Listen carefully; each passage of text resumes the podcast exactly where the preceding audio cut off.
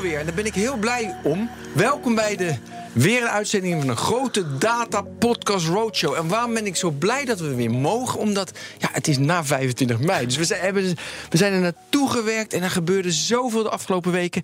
En nu gaan we, de, we gaan vier afleveringen weer maken. Dan gaan we kijken wat is er allemaal gebeurd. Zijn we compliant? Lukt het allemaal?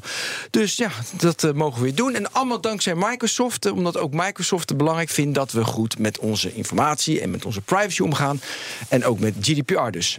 Oké, er is heel veel wat ik al zei te bespreken. We zijn nu een nou, halve maand onderweg.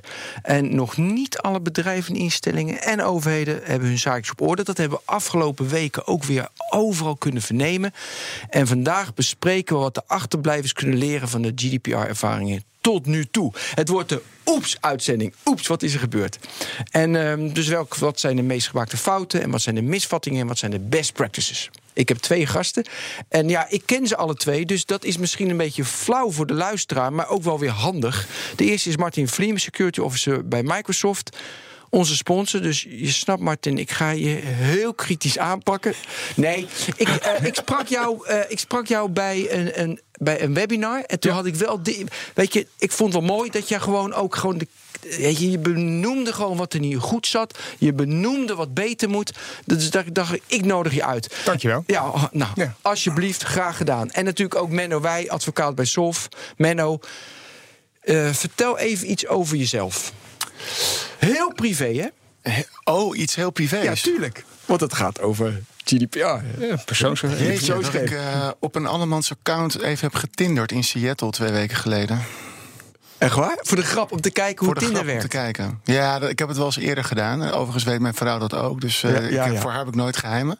Ja. Maar eh, daar kom je dan toch wel achter dat je wel weer even nieuwsgierig bent met... Het was een paar jaar later, nu afgelopen paar weken. En, En ja, had je een beetje succes? door- Of, eh, de- de- de- nou, de- wat zeg je? had je een beetje su- oh, op een andermans account? Maar ben je Ja, dit geworden? nee, dus ik was, ik was ja. zeg maar niet Menno. Maar het gemak waarmee je zeg maar, naar je doel toe kunt werken, om het zo maar even te zeggen, is, eh, Is wel toch wel eh, een eye-opener. Ja, ik test natuurlijk heel veel van die applicaties. Dus Tinder, en toen helemaal in het begin, ik testte en toen keek ik op Twitter... hey, Ben van den Burg zit op Twitter. Dus dat was niet zo handig. Dus die test deed kort. Oké, dat tussendoor. We gaan het natuurlijk hebben over de AVG, GDPR. Daar gaan we het over hebben. Eh, nou, jullie hebben natuurlijk ook heel veel mailtjes... en allemaal de afgelopen weken ontvangen. Ja, vreselijk. Ja, wat waren de, wa- wa- waren er bij opvallende? Weet je, dat je dacht van, nou, dit is echt ongelooflijk. Nou ja, de rode draad is natuurlijk dat eh, ik kennelijk in enorm veel bestanden stond die ik niet wist. Ja. En dat er dan een mailtje komt, variërend van ik moet opnieuw opt-in klikken om te willen blijven hangen in die nieuwsbrief. Dan wel, als je nu niet zegt dat je het niet meer wil, dan gaan we ervan uit dat het een opt-in is. Ja, maar die, En die varianten zijn er mij niet natuurlijk onzin. nee. En Ja. gewoon totaal niet nodig. ja, precies, want dat was het eerste misverstand, toch? Ja, Eh, inderdaad. maar- Dat, dat zien we. Het, het, het is toch een beetje, nou, toch, we merken toch een beetje dat er paniek schijnbaar is toegeslagen. Ook wel interessant, hè, want eh, ja, toch, we weten toch al wel zo'n twee jaar geleden dat we, althans sinds twee jaar, dat we hiermee te maken krijgen. Eh, dus we zien een enorm zo'n hockeystick-effect. Vlak voor de AVG heel veel van die mails tijdens de AVG. Overigens het is nu wat stiller. Ik weet niet hoe het bij jou is, maar het lijkt wel alsof we het nu weer een beetje vergeten. Ja, het is klaar Of zo. Ja, dus eh, volgens mij werkt het niet helemaal. AV wat? Ja, AV. AV. Ja. Dus, eh, maar ook eh, Maar mails. even voor de duidelijkheid, Ja. die mails hadden ze dus niet hoeven sturen. Die Ja, mails... Dat is mijn stelling. Ja, en maar, Ik denk, in, nou, ik zou het dan misschien iets nieuws zeggen, maar in veel gevallen eh, denk ik niet. En er worden ook mails gestuurd die misschien zelfs ook bijna conflicterend werken. Hè. Ja. We zien ook dat mails gestuurd worden van als je dit niet ondertekent. Of privacy statements die je ineens voor je neus krijgt als je aan het browsen bent. Mhm. Als je dit niet, hier niet mee akkoord gaat, ja, dan kunnen we de dienst niet meer bieden. ja. Ja, dat zijn. Ja. Het zijn overigens in mijn optiek twee dingen, hè, Martin. Dus Ja. we hebben een, een mailtje rondom... u staat bij ons in het bestand, u krijgt van ons al eh, lange tijd een nieuwsbrief... Eh, en wilt u even opnieuw, hè, want de GDPR zegt of de AVG zegt dat u opnieuw uw opt-in moet herbevestigen. Dat is echt een fabel. Dat is dus niet waar. Die hadden ze niet hoeven versturen. Nee, Dat is eh, één. want de belangrijkste reden, dat is bij ons in de telecommunicatiewet. Hè, dus de spamwetgeving, wat binnen het domein van de ACM ligt, Ja. geregeld. Wat werkt dan niet? Dat voorzitter Aleid Wolfsen van de AP, de Autoriteit Persoonsgegevens, een heel interview geeft Ja. over dit fenomeen. Dat werkt dus ook verwarrend voor bedrijven. Ehm, en ik wilde nog iets zeggen, maar ben ik even kwijt. Maar Ja, misschien je dat had er het nog twee. Je had, zeg maar, ja, dus je had twee soorten Oh, mails. sorry. Ja, en het tweede is inderdaad een vernieuwd, dankjewel, Ja. een vernieuwd privacy statement. Ja. Ja. Eh, dat je privacy statement moet updaten aan de hand van de AVG, dat, dat staat vast. Ehm, ik begrijp ook nog wel dat je die per mail stuurt. Maar ik zou denken dat mensen die hem op het aller, allerlaatst mailen... hadden ook kunnen bedenken dat iedereen dat had gedaan. Ja. Is er niet een andere route? Ja. Maar daar is het meest schrijnende voorbeeld van die meneer op Twitter... die zei, ik accepteer het niet. En die is gewoon automatisch eraf geschopt. Hè? Dus zijn account werd opgeheven, automatisch. Bij Dus, Twitter. ja, En ik vond juist Twitter, want ik heb allemaal screenshots gemaakt. Af, ik heb zoveel screenshots eh, gemaakt. Van alle toestemmingen, van alle vragen. Ja, ik en- vond het zo Mhm. boeiend en dan bestuderen wat wel, wat niet. En wat me opviel bij Twitter, even uit mijn hoofd nu, dat ik het interessant vond dat je ook een vinkje moest zetten of je even over het businessmodel, of ze wel of niet je data mogen gebruiken voor advertentiedoel, doel, dus doeleinden. En ik had dat vinkje uitgezet. Ik dacht grappig, maar ja, dat ondermijnt direct het businessmodel van Twitter. ja. En maar daar is ze een zetten het uit hele- zichzelf aan, hè? bij mij ja, althans. Precies, ja, ja, ja, precies bij mij ook. Maar dat was. Nou ja, dat mag dus ook weer niet. Hè. Dat is dus wel weer AVG. eh, privacy by default, privacy by design. Kies voor de meest privacy-optimale setting. Niet voor Twitter, maar voor jou als gebruiker. Dus ze Twitter heeft het dus niet goed gedaan. Ja, dat heb ik failliet van de toestemming genoemd. Ja, Martin, nee, ja. Dat is natuurlijk wel wat, eh, dat is natuurlijk wel weer het risico dat je krijgt. Dat je overal vinkjes en overal gaat zetten. Ja, en ga je het dan overal standaard zetten. Terwijl het idee natuurlijk is dat je er eigenlijk zelf ook je verantwoordelijkheid over neemt. En over na gaat denken. Waarom, hè, wat wil ik nou eigenlijk, wat wil ik hiervan? In principe, hè, dat je de vraag standaard aanzet. eh, althans, op bevestigend zet. Ja. Nee, dat klopt niet. Dat je wel vraagt van, weet je, we hebben een dienst. Twitter. En als deel van de dienst zouden we ook je gegevens kunnen gebruiken voor advertentieinkomsten. Dat je daar expliciet toestemming voor vraagt. Dat in principe dat klopt. Hè, waarbij je de dienst separaat stelt Ja. van, eh, van, data. wat je van Ja. de data. En Ja. dat, dat is op zich oké. want we zien ook voorbeelden dat inderdaad het voorwaardelijk gemaakt wordt. Dus je moet dat, dat accepteren, dat je die advertentie. Anders kan je de dienst niet gebruiken. En dat zijn dingen waar het. Ja, Deze vraag gaat beantwoord worden, hè, want dit is in mijn optiek niet duidelijk uit de AVG. Maar welke? eh, Ja. Max Schrems, hè, die ook al iets rondom. eh, ja, met Facebook, die jongen uit Oostenrijk. vier, juist. vier cases zijn, Ja. eh, zijn Vertel, ingediend. vertel, vertel. Op de Is boeiend. 25ste. Ga je gang, Ja, maar gang. Ja, op de 25e zijn er inderdaad vier cases eh, ingediend. eh, vanuit de organisatie inmiddels van Max Schrems.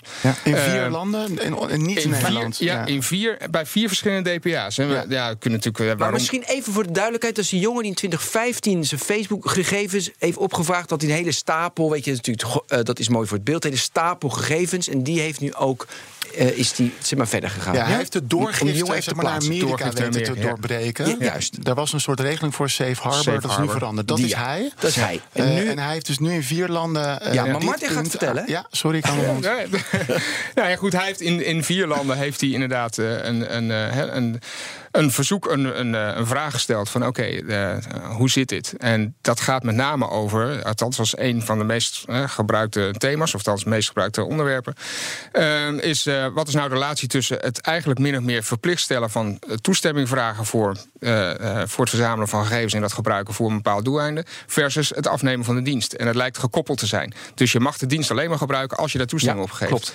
Ja, en dat is niet, dat is, lijkt mogelijkwijs in strijd te zijn. Ja, want die koppeling is niet wat de AVG eh, aangeeft dat het mag. Nou, maar, maar dan is dus, want we hebben een hele reeks van deze podcast wel of niet een bom onder het businessmodel Ja. van de dataverzamelaars.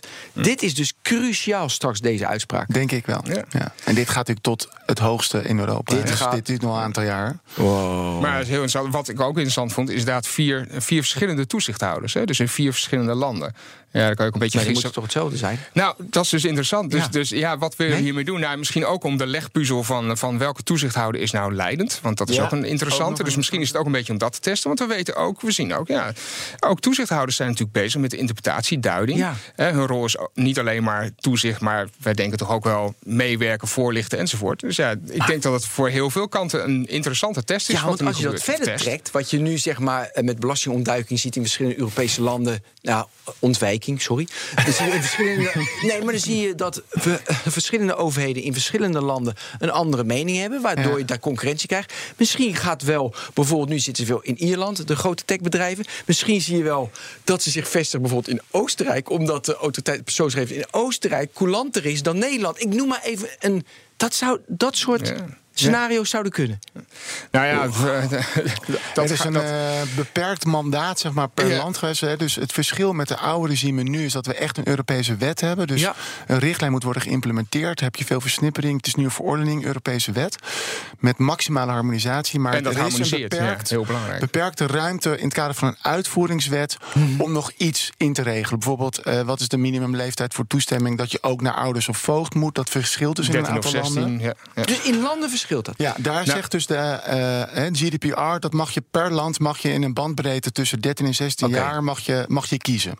Ja. Uh, maar voor de rest, dit, dit, punt van toestemming plus, eh, een heel goed punt, Martin. Hè, wie moet nou in de lead gaan als onderzoekende uh, waakhond? Ik schat overigens Ierland in, want volgens mij zit mm. daar het Europese hoofdkantoor van Facebook.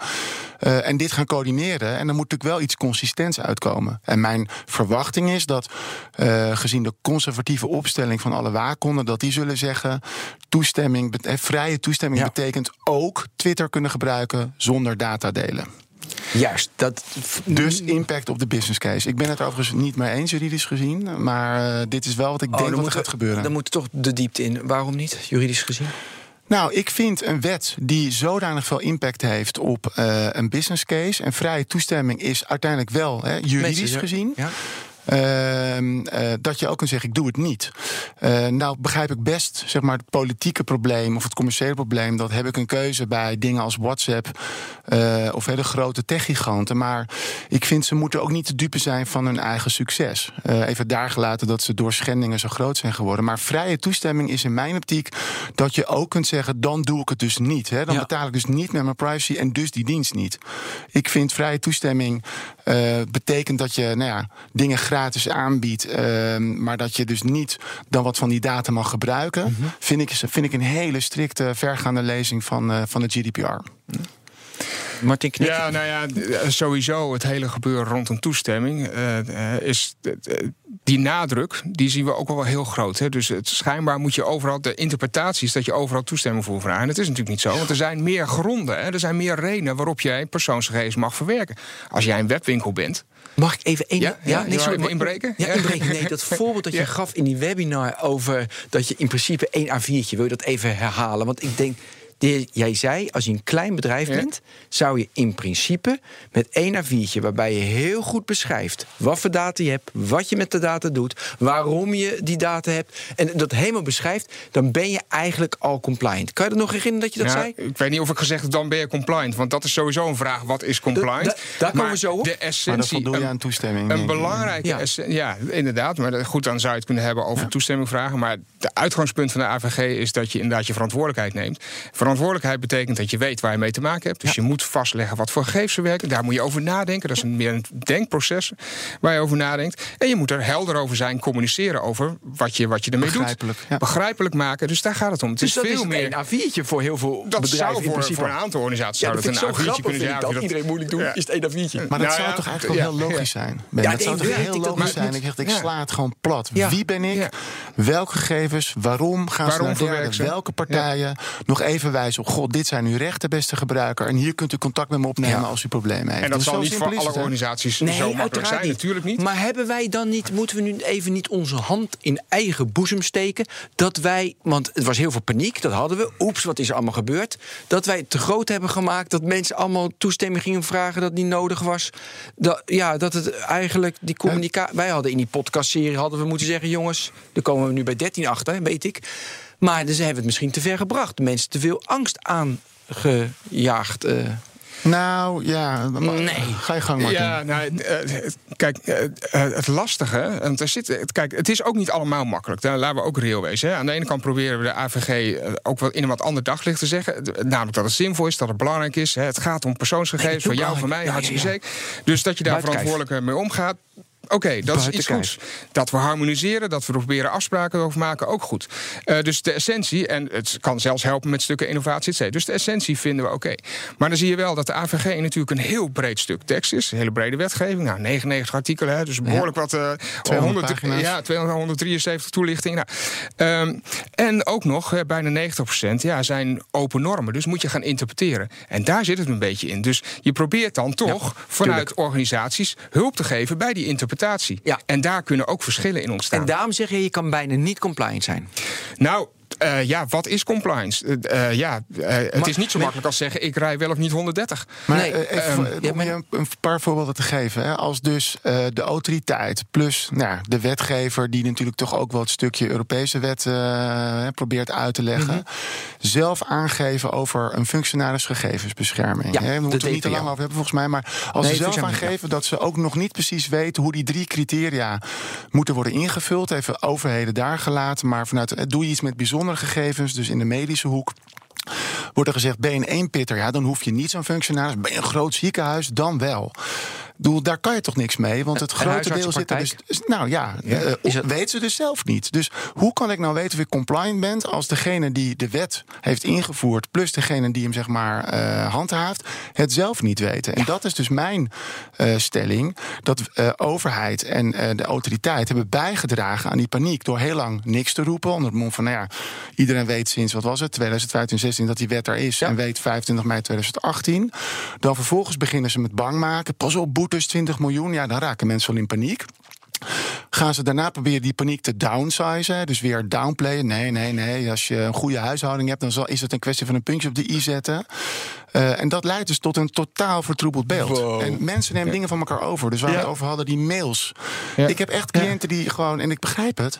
Ja, ik krijg van eh, allerlei bedrijven mails met die nieuwe opt-in. Dus eh, ik heb dat ook maar gedaan. Dus ik, ja, had me even gebeld, want had ik je uitgelegd dat het echt niet had gehoeven. Mensen ko- kopiëren het. is gewoon. Maar goed, in dit hele verhaal zit dus heel erg omdat autoriteit persoonsgegevens. Dus het is niet helder bijvoorbeeld met die, zeg maar die huisarts, ZZP'er of een grotere praktijk of een ziekenhuis. Omdat ze zelf niet helder zijn. Daardoor is er heel veel onrust. Heel veel open deuren. Dus Open open, deuren. normen plus open deuren. Met Open deuren. er is een toelichting. En Noem nog eens een open deur, want die, die concrete voorbeelden zijn altijd wel. eh, Oh, nou, eh, rondom dus de verwerkersovereenkomsten Ja. zijn dingen, denk ik, eh, Ja. onduidelijk. De toestemming hebben we net over Nee, gesproken. geef een voorbeeld van al die verwerkersovereenkomsten.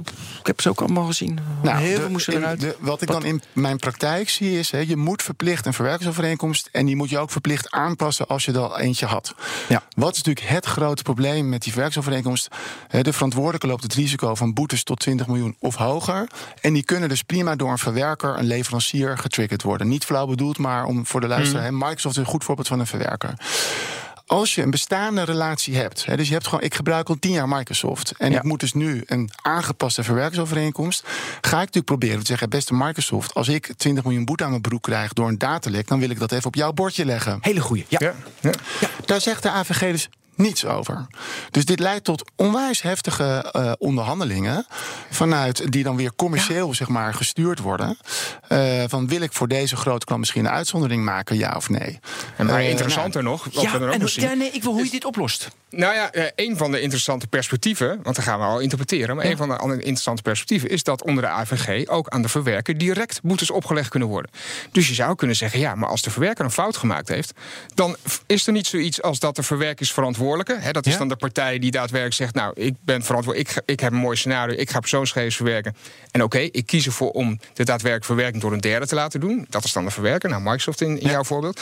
Ehm, ja, beide kunnen een boete opgelegd krijgen. Dus ja, is het Maar dan hoe zo precies, dat... wanneer, precies, in welke situatie, dat is dus daar niet de helder. oplossing. Ja. Nee, nee, ik probeer Ja? het altijd simpel te houden. Denk ik, nou, op het moment dat ik zelf risico loop van een boete, dan hoef ik daar niet mijn contractuele werkpartij mee te vermoeien. Je hebt ieder je eigen, verantwoordelijkheid, aansprakelijkheid ja. en Ja. verantwoordelijkheid onder de wet.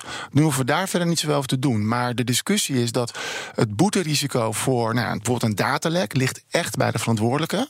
Eh, dus als die beboet wordt, maar die vindt dat door toedoen van de verwerker eh, dat is gebeurd, snap ik op zich wel dat je zegt: ja, ik wil daar een beetje comfort van jou verwerken, dat Ja. je daar op zijn minst in meebloedt. En waarom zou ik genoegen moeten nemen met minder dan het totale bedrag van de boete? Mhm. Nou, de verwerker kan zeggen, maar ik heb met jou een contractuele afspraak. We hebben een paar jaar geleden al met Microsoft, maar weer even als voorbeeld, een contract gesloten met een mooi regime over aansprakelijkheid, Over aansprakelijkheden, et. Geef me één reden waarom dat opengebroken moet worden. De AVG schrijft het niet dringend, eh, dwingend pardon, voor. Ja. Goh. Hey, je had het net over datalekken. Is dat nu, ehm, weet je, hebben jullie goede, eh, goede protocollen gezien? Is dat nu, heb je het idee van, ja, nee, dit- er zijn stappen gemaakt? Of zitten we echt nog wel in het begin? Op wat zie papier je in de is. Maar ik ben heel benieuwd gezien jouw achtergrond, Martin, wat jij ziet. Maar op papier zijn er stappen gemaakt. Want je ontkomt Ja, er niet aan dat je nadenkt over Ja. wat moet ik doen. Of in de praktijk. Hè, dus eh, je wordt gebeld met paniek, we hebben een datalek. Of dan zeg maar volgens dat papieren protocol of document Ja. er wordt gehandeld. Dat vraag ik me Ja, serieus Martin, wat, af. wat zie jij in de Nou praktijk? voor zover wij daar dan zicht op hebben. Hè, maar wat we in de praktijk zien is inderdaad dat inderdaad protocollen zijn. Dus ook niet zo heel vreemd. Want ja, dat stukje meldplicht datalekken, dat hebben we natuurlijk al twee jaar. Ja. Daar liep, Mark, Mark, sorry, liep Nederland ook een beetje in voorop. Dus dat op zich zijn Ja, we daar gewend. toch? Ja, nou ja, en wij, en wij Best even daarmee als, en daarmee als verwerker. eh, En de rolverwerk natuurlijk ook. Eh, hè, dus dat, dat is een stukje wat we voor hebben op een aantal van onze buurlanden. Ehm, dus dat helpt. Dus je ziet dat inderdaad processen eh, er vaak zijn. Maar toch merken dat als er ergens een vraag ontstaat, dat dan toch zeggen: ja, eh, is dit nou eigenlijk wel een datalek? En hoe zit het? En heeft dat, is dat nou nog verantwoord aan GDPR en, eh, of AVG? Eh, dus ja, dat het toch dan weer moeilijk blijft om echt de procedure te starten, omdat we nog niet eens weten of we de procedure überhaupt moeten starten. Ja. Ja. Ehm, maar ja, Overigens, ter verdediging van de autoriteit persoonsgegevens. eh, Ja, die liggen behoorlijk- Het beleid dat ze Ja. dus niet te snel beboeten. Dat zal wel eh, voortgezet worden. Dus eh, ik denk ook hè, de angst van. Oh, daar gaat 20 miljoen uit mijn achterzak. Dat die wel enigszins ongegrond is. Ze zijn Ja. wel heel duidelijk geweest. En wij, het is niet de lijn naar verwachting dat we het beleid dat we hebben gaan veranderen. Het beleid is dat er echt sprake moet zijn van opzet. Of de druppel die de emmer doet overlopen. Het is voor de zoveelste keer bal. Plus Ja. in de informerende kant, eh, dat is, hebben we ook in, in een aantal andere sessies ook aangegeven. Je ziet dat er ook steeds meer gerichte informatie komt. Hè. Naast het stappenplan wat ze al een tijd hebben, Mhm. zie je ook dat er per sector, per segment inderdaad eh, meer concrete informatie en interpretatie wordt gegeven over hoe je bepaalde dingen kan inzetten. Ja. Dus voor onderwijs, voor zorg. Ja, dus, Ehm. dus de autoriteit persoonsgegevens stond erg onder druk. Weet je, 25 mei, weet je, precies stond het in de krant van dat ze nog niet helemaal klaar waren. Jij zegt ze zijn genuanceerd, dus dat was valt een heel pijnlijk artikel, hè? Oeh, dat was Oei, pijn. Oei, oei, oei. Ah, ik vond het wel mooi trouwens. Ja, dat is, ja, nee, Ja, maar dat is toch de wereld. onderzoeksjournalistiek van Nee. eh, jullie buren volgens mij. Ja, jongens, maar goed, het is ook heel mooi dat we, hey, we moeten nog verbeteren. Dat, dat je kans krijgt dat je nog iedere dag beter kan. De tweede is die ik over- om deze week dat de Belastingdienst nog een jaar nodig heeft. Daar heb ik ook iets van.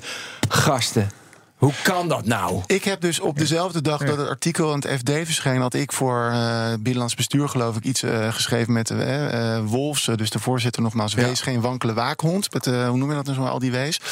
Doorgeschreven door Martin mooi, Menno. mooi. Ehm, en dit, de Belastingdienst vind ik dus een goed voorbeeld. Dat ik las het gisteren.